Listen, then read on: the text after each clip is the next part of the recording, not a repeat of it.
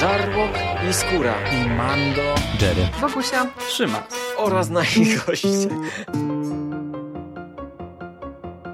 Konglomerat podcastowy. Wasze ulubione podcasty w jednym miejscu. Zapraszamy. Zapraszamy. Zapraszamy. zapraszamy. Zapraszamy.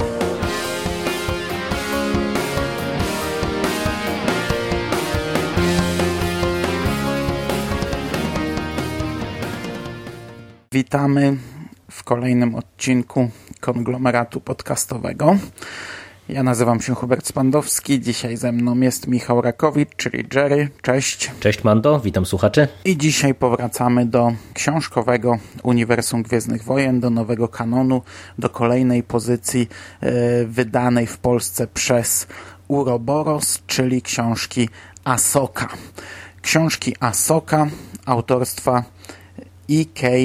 Johnston kolejnej autorki e, tworzącej Uniwersum Gwiezdnych Wojen, kolejnej pisarki debiutującej w Uniwersum Gwiezdnych Wojen i kolejnej pisarki debiutującej na polskim rynku, bo e, my tej pani do tej pory poznać raczej nie mieliśmy możliwości. Także słowa o niej nie powiemy, chociaż na wstępie mogę powiedzieć, że e, tak jak ja e, kilka razy już chyba mówiłem, że nie lubię czytać podziękowań, tak w ostatnich dwóch książkach bardzo miło czytało mi się podziękowania, e, czyli w Faźmie i w Asoce, bo z tych podziękowań się dość sporo dowiadujemy, zarówno o, o, o całym procesie, w, jak, w, w jaki sposób autorka trafiła do tego worka gwiezdnowojennych autorów, jak i oni są dosyć otwarci w tym momencie, więc też zdradzają trochę o swoim fanostwie i, i, i nawet gdy dochodzimy do tego momentu, gdzie jest takie standardowe wymienianie nazwisk i podziękowania, to tam też jest kilka dopisków jakoś tak, jakieś takie, jakoś tak ciekawsze te podziękowania w ostatnich Gwiezdnych Wojnach niż zwykle w książkach są.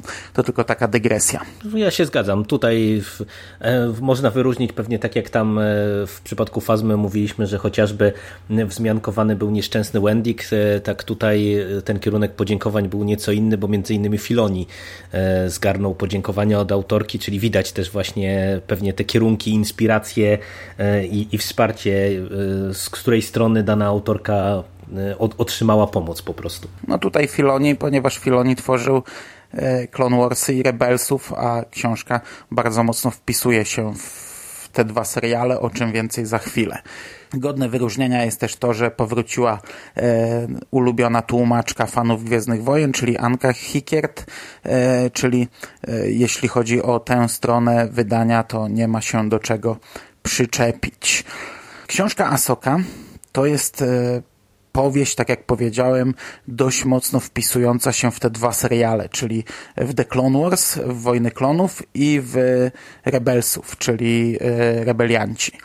Asoka to jest postać wprowadzona do kanonu Gwiezdnych Wojen właśnie przez serial The Clone Wars. No i były takie czasy, to już kurczę mija 10 lat, bo teraz mieliśmy panel na dziesięciolecie na San Diego Comic Con, że Asoka była takim nowym Jar Gwiezdnych Wojen. 10 lat temu to była naprawdę znienawidzona postać i pamiętam jak wtedy my tak trochę trochę z przymrużeniem oka, trochę z przerażeniem sobie żartowaliśmy, że to jest postać, która może przetrwać dużo, że na przykład za jakiś czas dowiemy się, że ona przetrwała starą trylogię. To w ogóle był taki największy koszmar, e, największy koszmar fana, taki aż, aż tak absurdalny, że aż sobie z tego jaja robiliśmy, a tu się okazało, że, że tak faktycznie jest. Nie? nie tylko przetrwała rozkaz 66, ale ostatecznie w Rebelsach również przetrwała starą trylogię.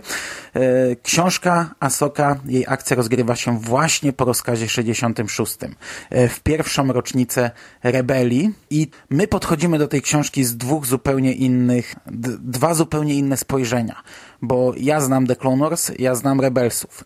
Ta książka jest dla mnie takim łataniem e, luk pomiędzy tymi dwoma serialami. Ty nie znasz żadnego z tych seriali, ty podchodzisz do tutaj w ogóle z czystą kartą. Asoka to jest dla ciebie nowa postać. Jeśli się nie mylę, to w ogóle e, to jest twój pierwszy kontakt z Asoką e, w przypadku tej książki, także zastanawia mnie, jak w sumie odbierzemy ją z tych dwóch punktów widzenia, jak to, jak, jak to będzie wyglądać ostatecznie. Potwierdzam, że to jest moje pierwsze zetknięcie się z e, tą postacią. Ja oczywiście e, o niej słyszałem co nieco, bo widziałem ją chociażby w tych animacjach krótkich, dziewczyńskich, jak to się pogardliwie mówi, czyli, A, czyli for, for, Forces of Destiny, bo ona też tam była chyba w dwóch odcinkach co najmniej tego pierwszego sezonu, jeżeli dobrze kojarzę.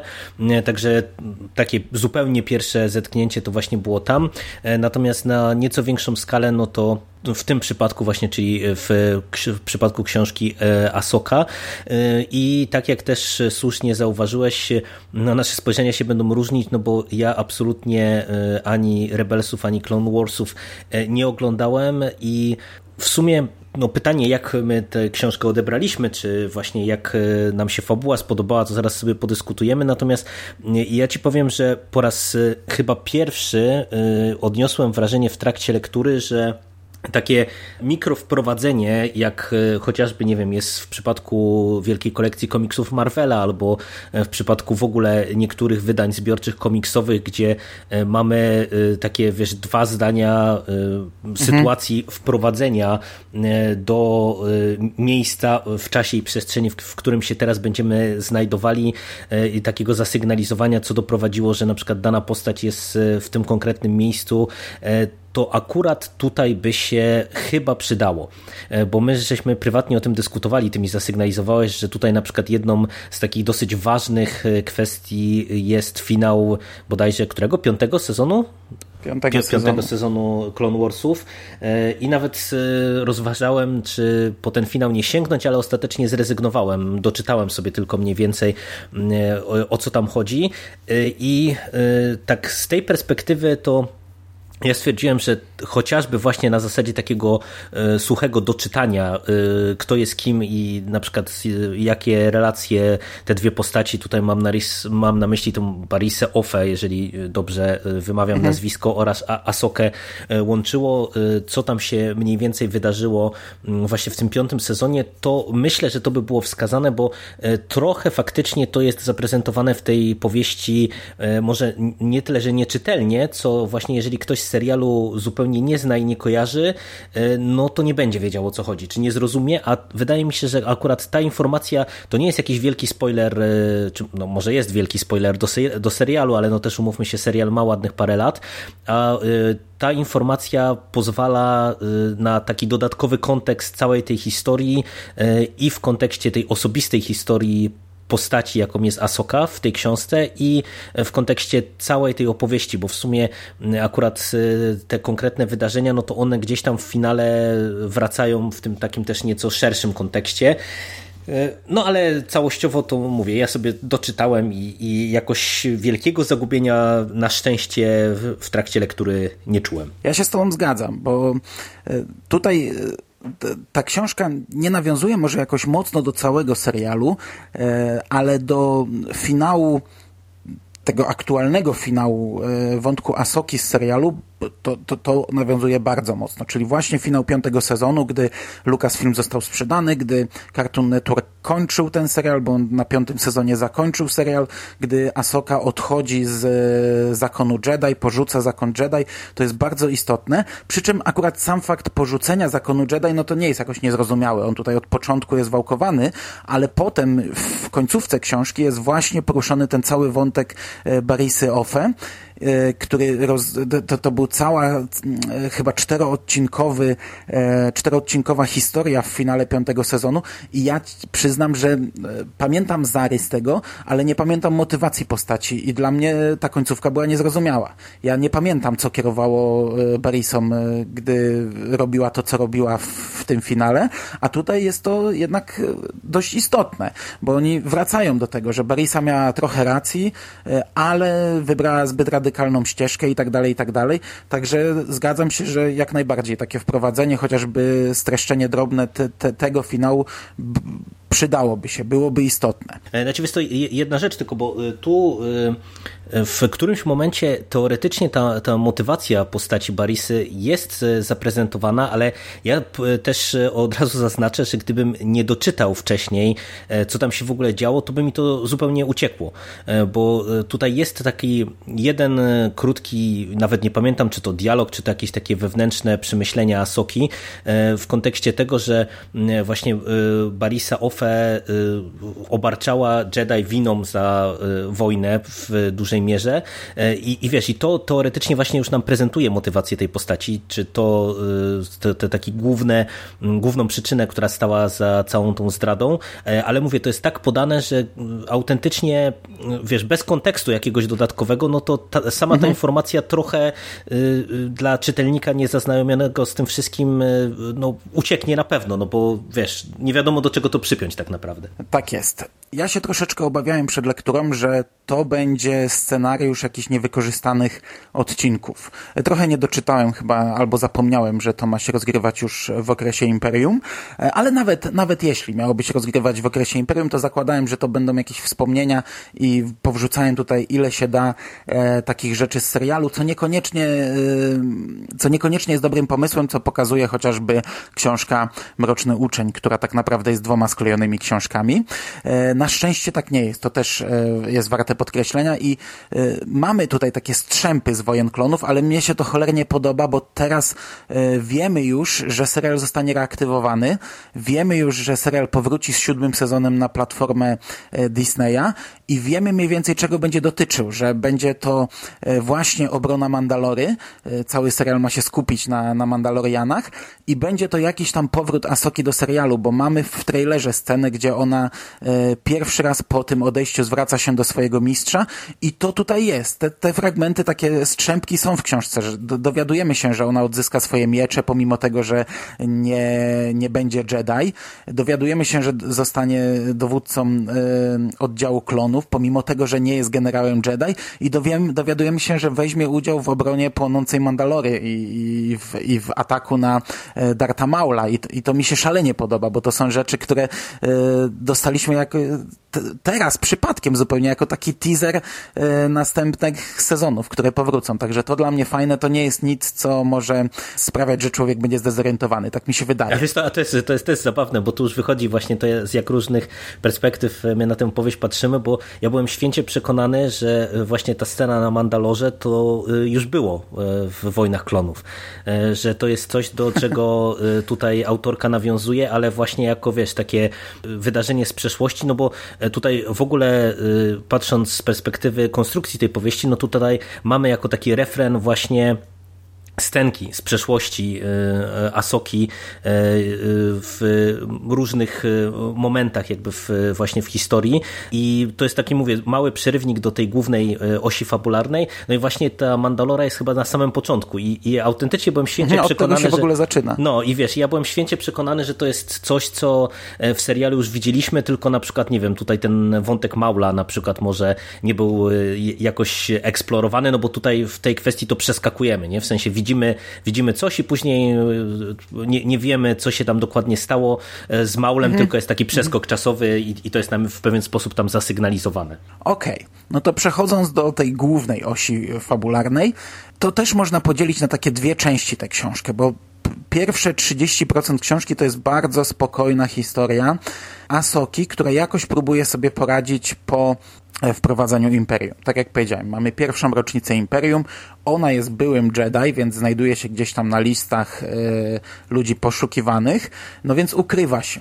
E, to w jaki sposób ona się ukryła, w jaki sposób przechytrzyła rozkaz 66, dowiadujemy się gdzieś tam e, później, takie strzępki mamy rzucone informacji, chociaż to też jest nawiązanie do Rebelsów, e, tak już odskakując od tematu, bo e, dowiadujemy się, że Rex wyciął sobie ten, usunął sobie ten chip z głowy, a Rex później pojawia się jako postać w Rebelsach właśnie z blizną na głowie, e, bo tutaj e, z tej książki dowiadujemy się, że ona wraz z Rexem jakoś tam upozorowała swoją śmierć, ukryła się i, I na początku książki widzimy ją jako taką postać, która przemierza światy gdzieś tam na zewnętrznych rubieżach, takie zapomniane, zniszczone światy, y, niepotrzebne, do których raczej Imperium się nie zwróci, a mimo wszystko Imperium poszerza swoją działalność i, i zaczyna y, również te światy okupować i ona musi tam uciekać dalej. No i właśnie najpierw jesteśmy na tym pierwszym świecie, który wydaje się, że to jest wątek skończony, a okazuje się, że to tam potem przeplata się ze sobą. Ona ucieka, trafia na nowy świat, gdzie poznaje jakichś ludzi, zaprzyjaźnia się i nie chce za bardzo już, już e, z tego świata rezygnować, ale e, no, e, na, tak jak na samym początku, to trochę przywodzi na myśl taką książkę Kenobi, która była wydana w końcówce poprzedniego kanonu Legend. Która była westernem e, w świecie Gwiezdnych Wojen, czyli Kenobi trafia na Tatooine i jakoś tam zaczyna swoje życie, e, poznaje miejscowych, e, musi walczyć z jakimś lokalnym zagrożeniem i tak dalej, i tak dalej. No tutaj od początku w zasadzie czuć, że to nie będzie lokalne zagrożenie. W przypadku Kenobiego to nie mogło być Imperium, no bo on ukrywał się na Tatooine 19 lat. Tutaj od początku czuć, że będzie to zderzenie z Imperium, że Asoka będzie musiała się zderzyć z Imperium i faktycznie od 30 procenta mniej więcej na tę nową planetę Imperium najeżdża. No i wtedy książka się trochę zmienia, ale ten sam początek, pomimo tego, że ja już miałem pewne obawy, bo, bo, chociaż ta książka jest bardzo krótka, e, dzięki Bogu, wielki plus, e, to ten początek jest taki naprawdę mocno powolny, ale on też ma swoje plusy, bo e, mnie się podobało to, że Asoka nie wie o tym, znaczy jak ktoś oglądał Rebelsów, to wie, że ona nie wie o tym, co się stało z Anakinem, ale tu jest to podkreślone. Ona po prostu przestała czuć Anakina, przestała czuć Obi-Wana, przestała czuć Jodę w momencie, gdy Jedi wyginęli i cały czas zakłada, że oni nie żyją, że oni wszyscy zginęli, że Anakin stał się ofiarą. No, no w pewnym sensie stał się ofiarą wojen klonów i, i tych knowań Palpatina, ale no, trochę inną ofiarą niż ona przypuszcza. I, i, i to mi się podobało, jako, jak ona się próbuje odnaleźć i,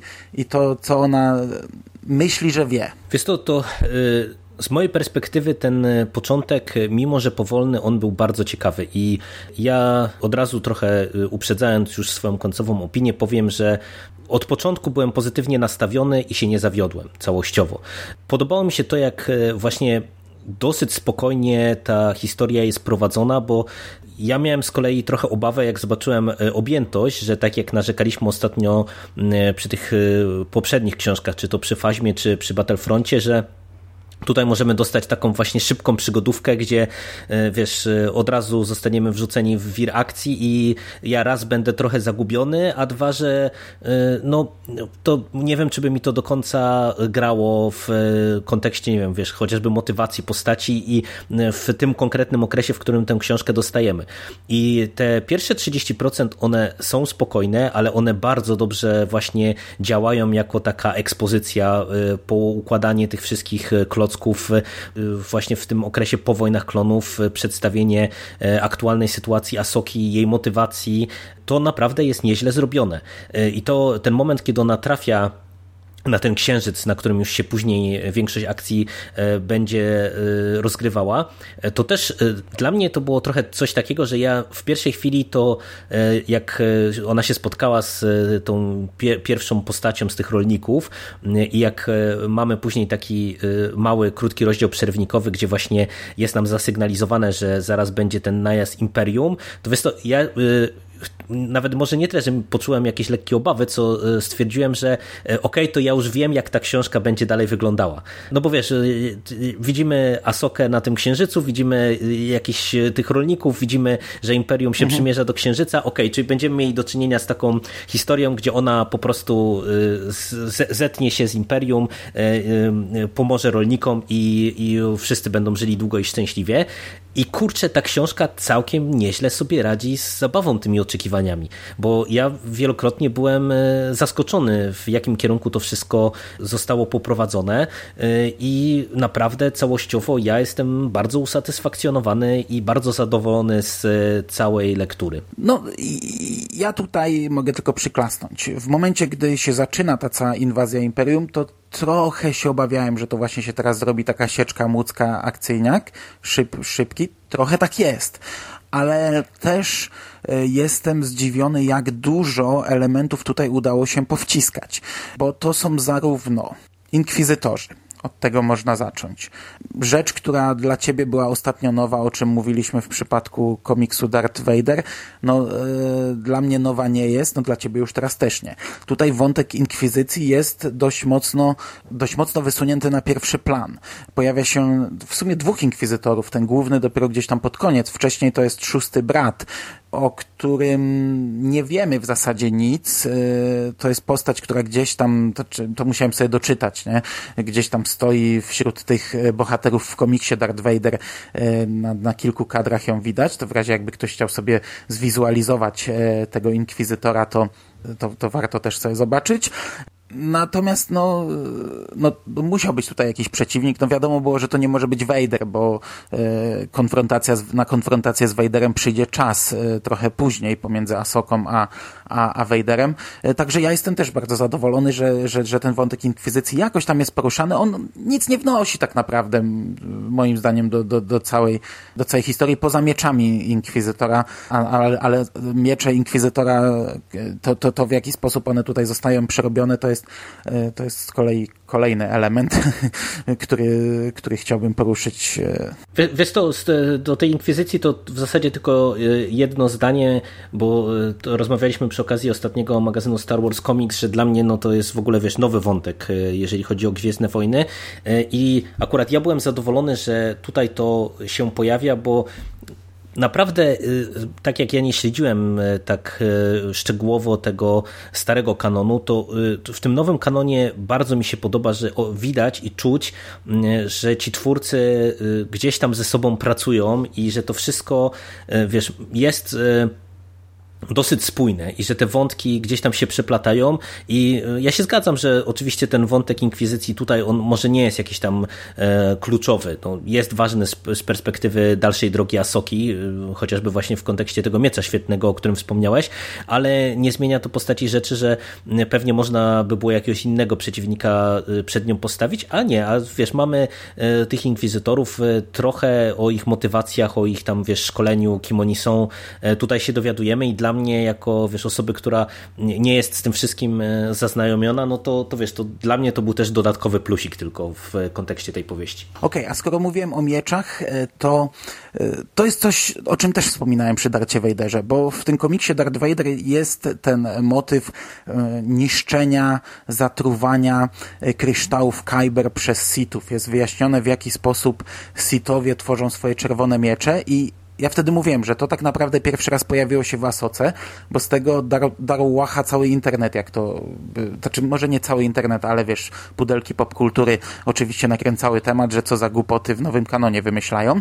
Mnie się to strasznie podobało w Darcie Wejderze. Tutaj podoba mi się to jeszcze bardziej, bo ten temat jest rozwinięty. Ten temat mm, e, jest, jest jeszcze bardziej rozpisany, co z tymi kryształami Kyber można zrobić i to jest dla mnie super. I cały motyw budowania mieczy świetlnych przez Asokę, bo dowiadujemy się, że ona te swoje stare miecze musiała zostawić, pozbyła się ich. Tutaj w zasadzie to jest tak trochę rozpisane jak ta, jako taka tajemnica, że ona zbiera różny złom y, i to w pewnym momencie zaczyna jej coś przypominać. To, to tam dupa nie tajemnica. Od początku wiadomo, że ona z tego miecze stworzy, ale to jak tworzy te miecze, y, to jak to jest, y, ile to wnosi do świata Gwiezdnych Wojen, mnie się to przeokrutnie podobało. Ja nawet zapomniałem, że Asoka miała w Rebelsach dwa białe miecze, faktycznie z takimi prostymi rękojeściami. I tu jest wyjaśnione, skąd biały kolor, dlaczego białe ostrza.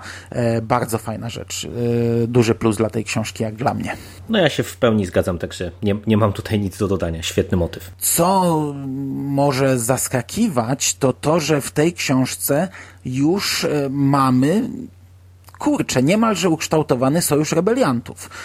Bo do tej pory, patrz, mieliśmy książki z tego okresu Lordowie Sithów, Tarkin, gdzie było wyraźnie powiedziane, że e, no, na chwilę obecną są to bardziej buntownicy niż rebelianci. Ludzie dość brutalni, ludzie e, chcący walczyć z Imperium, ale nie mający żadnej wizji, żadnej, jak, jakiegoś takiego pomysłu, żadnego kodeksu moralnego tak naprawdę, bo przecież w Lordach Sithów mieliśmy e, buntowników strzelających do, do cywili pracujących dla Imperium, do jakichś tam naukowców na przykład i no cały czas zakładaliśmy, nie wiem, że to w okolicy Łotra 1, no tak, tak, tak rebelci też nam pokazywali, że ten sojusz się tworzył gdzieś tam później, a teraz ta książka, no moim zdaniem dość mocno miesza w tym, bo okazuje się, że tak jak faktycznie w całej galaktyce tworzyły się grupki buntowników różnych, tak sam Bail Organa już, już w tym okresie, e, rok po utworzeniu Imperium,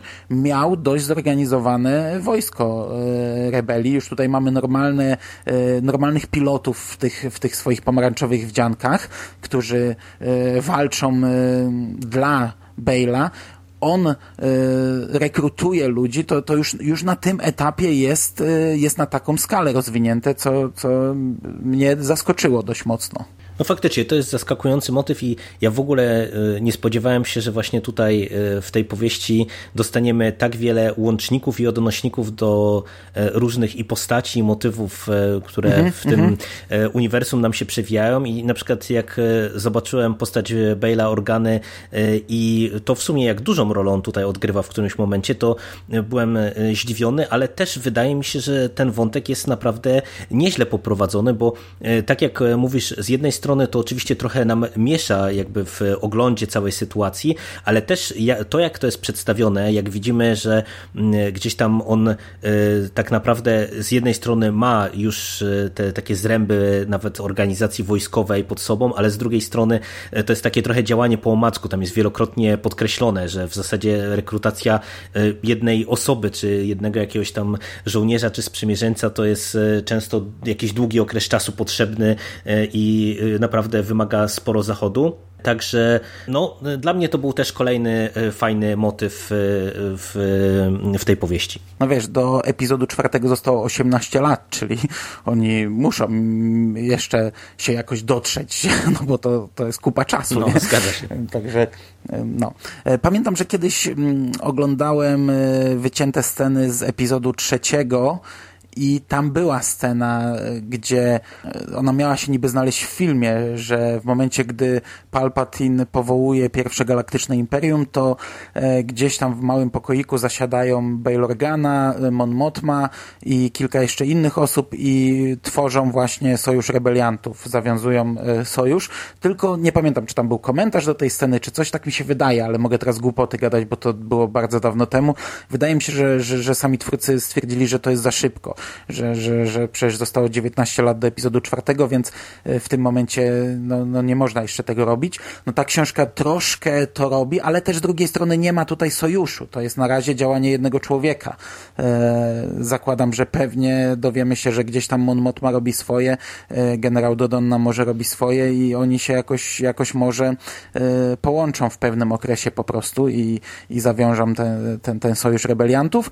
No, zaskakujące, mieszające trochę w tym świecie, ale fajne. I tak jak ale mówisz... wiesz to, przepraszam, jeszcze ci wpadnę tylko w słowo, bo tutaj to jest też fajnie pokazane, bo y, ja to trochę odebrałem nawet y, nie jako jakiś, y, jakiś rebeliantów tutaj, te działania Bale'a, tylko to jest nam trochę zaprezentowane tak, że wiesz, mamy to szerzące swoją nową władzę Imperium Galaktyczne i te działania Bale'a to bardziej są zaprezentowane jako takie działania trochę nie wiem, humanitarne, o tego słowa mi brakowało, e, że wiesz, że on tutaj, e, nie wiem, pomaga e, jakimś ludziom na jakichś księżycach, które, nie wiem, są niszczone właśnie przez imperium, przez jakąś tam eksploatację nadmierną i tak dalej, i tak dalej, więc tutaj jeszcze nawet nie mamy takiej, wiesz, walki na zasadzie walki zbrojnej, tylko to jest bardziej właśnie taka walka, nie wiem, trochę bardziej u podstaw, nie? Gdzie widzimy, że oni tam działają na zasadzie, nie wiem, dostarczania dostarczania żywności, czy właśnie trochę walki z syndykatami przestępczymi też i tak dalej, i tak dalej. Także to, to też jest fajny motyw. No też racja, racja, no. Racja, że w galaktyce tworzą się bojówki e, bardziej agresywne, a ta jest e, raczej e, mm, do niesienia pomocy. Racja, masz rację. Mhm. A właśnie, tak jak mówisz, syndykaty przestępcze i to, że w tej książce pojawia się masa wątków, to to również na to zwróciłem uwagę i to też mnie zaskoczyło, bo przecież tutaj w jakichś drobnych wspomnieniach, no to mamy i Obi-Wana, i, i właśnie Bail Organa, i Anakin się pojawia w jednym ze wspomnień. Jest Czarne Słońce, czyli e, ten, ten największy syndykat przestępczy. E, wiesz, jak na książkę, która ma 300 stron i która ma do opowiedzenia swoją historię, bo są i inkwizytorzy, i właśnie rebelia, i, e, i jest motyw tworzenia mieczy świetlnych, i ten, te, te 30 stron y, początku i potem y, y, pierwsze bitwy A, a wiecie, to jest kwestia I, dzieci na przykład i, wrażliwych no właśnie, na moc. Też bardzo fajny wątek. dzieci Jedi, dzie, znaczy nie dzieci Jedi, tylko dzieci zawsze to słowo tracę, które, na które, które mają tam no, nie mam słowa, no, o, o, że z mocą tak. Tak, tak, że o, y, po, po, są wrażliwe na moc, tak? W pewien sposób. O, wrażliwe, to słowo zawsze tracę. Dzieci wrażliwe na moc i to, co z nimi się może stać i, i, i to właśnie, jak je ratować i czy, i czy jakoś je chronić i to, że jak nie będziesz ich chronił, to one albo mogą zginąć, albo staną się nowym inkwizytorem. E, także tych, tych motywów tu jest naprawdę, naprawdę sporo w tej książce, jak na tak cieniutką książkę o nielubianej kiedyś postaci. Wiesz, to, to, co, to, co jest najważniejsze, wydaje mi się, i to, co jak mówisz o tej mnogości wątków, na pewno warte jest podkreślenia, to to, że mimo tego natłoku tych różnych elementów, to y, naprawdę to jest całościowo bardzo dobrze w mojej ocenie prowadzone i nie ma poczucia y, w trakcie lektury, że wiesz, że coś tu jest dołożone na siłę, albo że coś jest takie zupełnie zbędne, y, albo nic nie wnosi do tej opowieści, tylko to się fajnie wszystko naprawdę układa w jedną e, spójną, interesującą historię. Ale to dobrze, że to mówisz, bo ja mimo wszystko miałem trochę wrażenie, że ta książka jest takim łataniem luk, e, takim, takim spoiwem pomiędzy Wojnami Klonów a, a Rebeliantami, takim e, wrzucaniem rzeczy czasami, żeby, żeby wiesz, żeby połączyć to. to. Jako przykład mogę podać rzecz, która moim zdaniem jest zbędna, czyli e, to, że na końcu ona dostaje ten przydomek fulcrum. Bo to dla osób, które nie widziały Rebeliantów nic nie mówi. Po prostu, że dostała jakiś przydomek, a dla osób, które widziały rebeliantów jest to oczywiste, że właśnie widzimy narodziny Fulcruma, bo Fulcrum to jest e, ktoś, kto działa w rebeliantach. Przez cały pierwszy sezon to była tajemnicza postać, nie wiadomo kto. On werbował właśnie e, ludzi do rebelii i w, tak naprawdę w finale pierwszego sezonu, to jest wielkie zaskoczenie, pojawia się Asoka, że, że to ona jest Fulcrumem, a potem w kolejnych sezonach tak naprawdę okazuje się, że to jest taki przydomek, który e, można przejmować, to, bo, bo, bo to jest tylko głos e, przez modyfikator prze, przy, przetworzony, także gdy w pewnym okresie rebeliantów znika Asoka i nie wiadomo, czy ona żyje, czy nie żyje, nie wiadomo, co się z nią stało, to Fulcrum nadal działa. Ktoś inny jest nowym Fulcrumem, nie? I tutaj e, tak naprawdę dowiadujemy się, że już 18 lat przed epizodem czwartym e, powstał Fulcrum. No ale to, wiesz, to, to, to mo może faktycznie jest, z twojej perspektywy jest to zbędne, a z mojej strony to, wiesz, to po prostu wyglądała od taka ciekawostka na koniec i, i tyle. To dla mnie to nie, nie, nie miałem kontekstu tego dodatkowego po prostu. No właśnie, no, no ja, ja tak sobie myślałem, że, że, że dla ludzi, którzy nie widzieli Rebelsów, to takie, takie po prostu, takie, takie nic, no. A, a dla ludzi, którzy widzieli, no to rzecz, ale, ale to taki drobiazg, no ale, ale właśnie dobrze, że mówisz, że nie, nie mając w ogóle kontekstu, tutaj się wydaje, że nic nie ma na siłę i nic nie jest zbędne, że to jest fajna, fajnie stworzona historia. To, to, mnie, to mnie cieszy. I to zasadzie z mojej strony chyba wszystko. Nie wiem, czy coś jeszcze masz do dodania. Nie, nie, myślę, że myślę, że nie. Ja ze swojej strony tylko mogę powiedzieć tyle, że y, tak jak y, przy okazji Fazmy y, żeśmy się zastanawiali, czy będę kontynuował te kolejne książki, bo trochę mnie ta Fazma mimo ogólnie nie jakoś negatywnego bardzo odbioru z mojej strony wymęczyła, tak Asokę przeczytałem dosłownie w dwa dni, dnia, z dnia na dzień prawie, że i bardzo bardzo przyjemnie mi się tę powieść czytało. Uważam, że ta długość jest odpowiednia i też właśnie ta ilość wątków, ilość motywów, które tutaj autorka e, nam przemyciła, e, całe rozpisanie tej historii pokazuje, że jak ktoś ma pomysł, e, to wiesz, to naprawdę nie potrzebuje tych 500 stron, żeby to wszystko rozdmuchać, tylko można ciekawą opowieść zawrzeć właśnie w tych 300-350 stronach i naprawdę ja się bardzo dobrze na tej powieści bawiłem i uważam, że to jest dla mnie z tych wszystkich książek, które czytałem, to jest naprawdę czołówka. Ja się mniej więcej zgadzam. Tutaj znów Empik nas okłamuje, bo tak jak w przypadku Fazmy pisał, że będzie 240 stron, okazało się, że tych stron jest 500.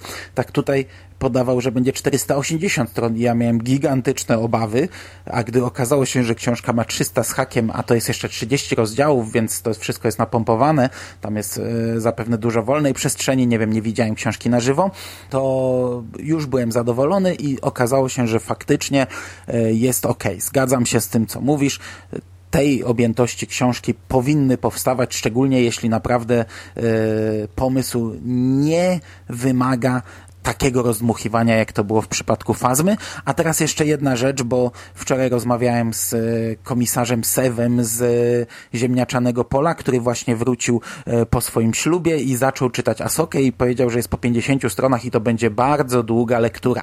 My nie pierwszy raz, w zasadzie zawsze chyba mamy przeciwne zdanie do, do, do Sewa.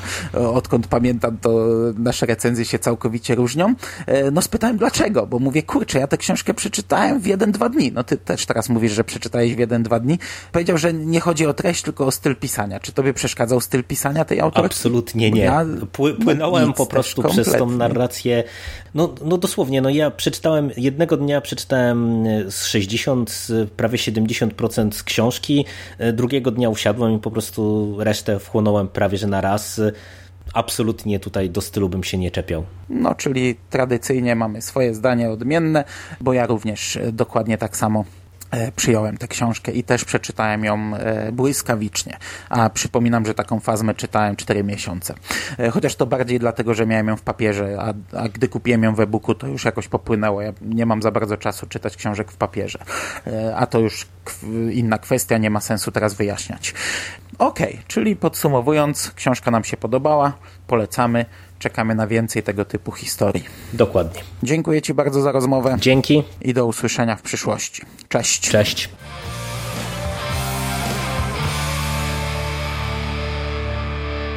You finished? That's it, man. Game over, man. It's game over. What the fuck are we gonna do now? What are we gonna do? It's over. Nothing is over! Nothing! You just don't turn it off!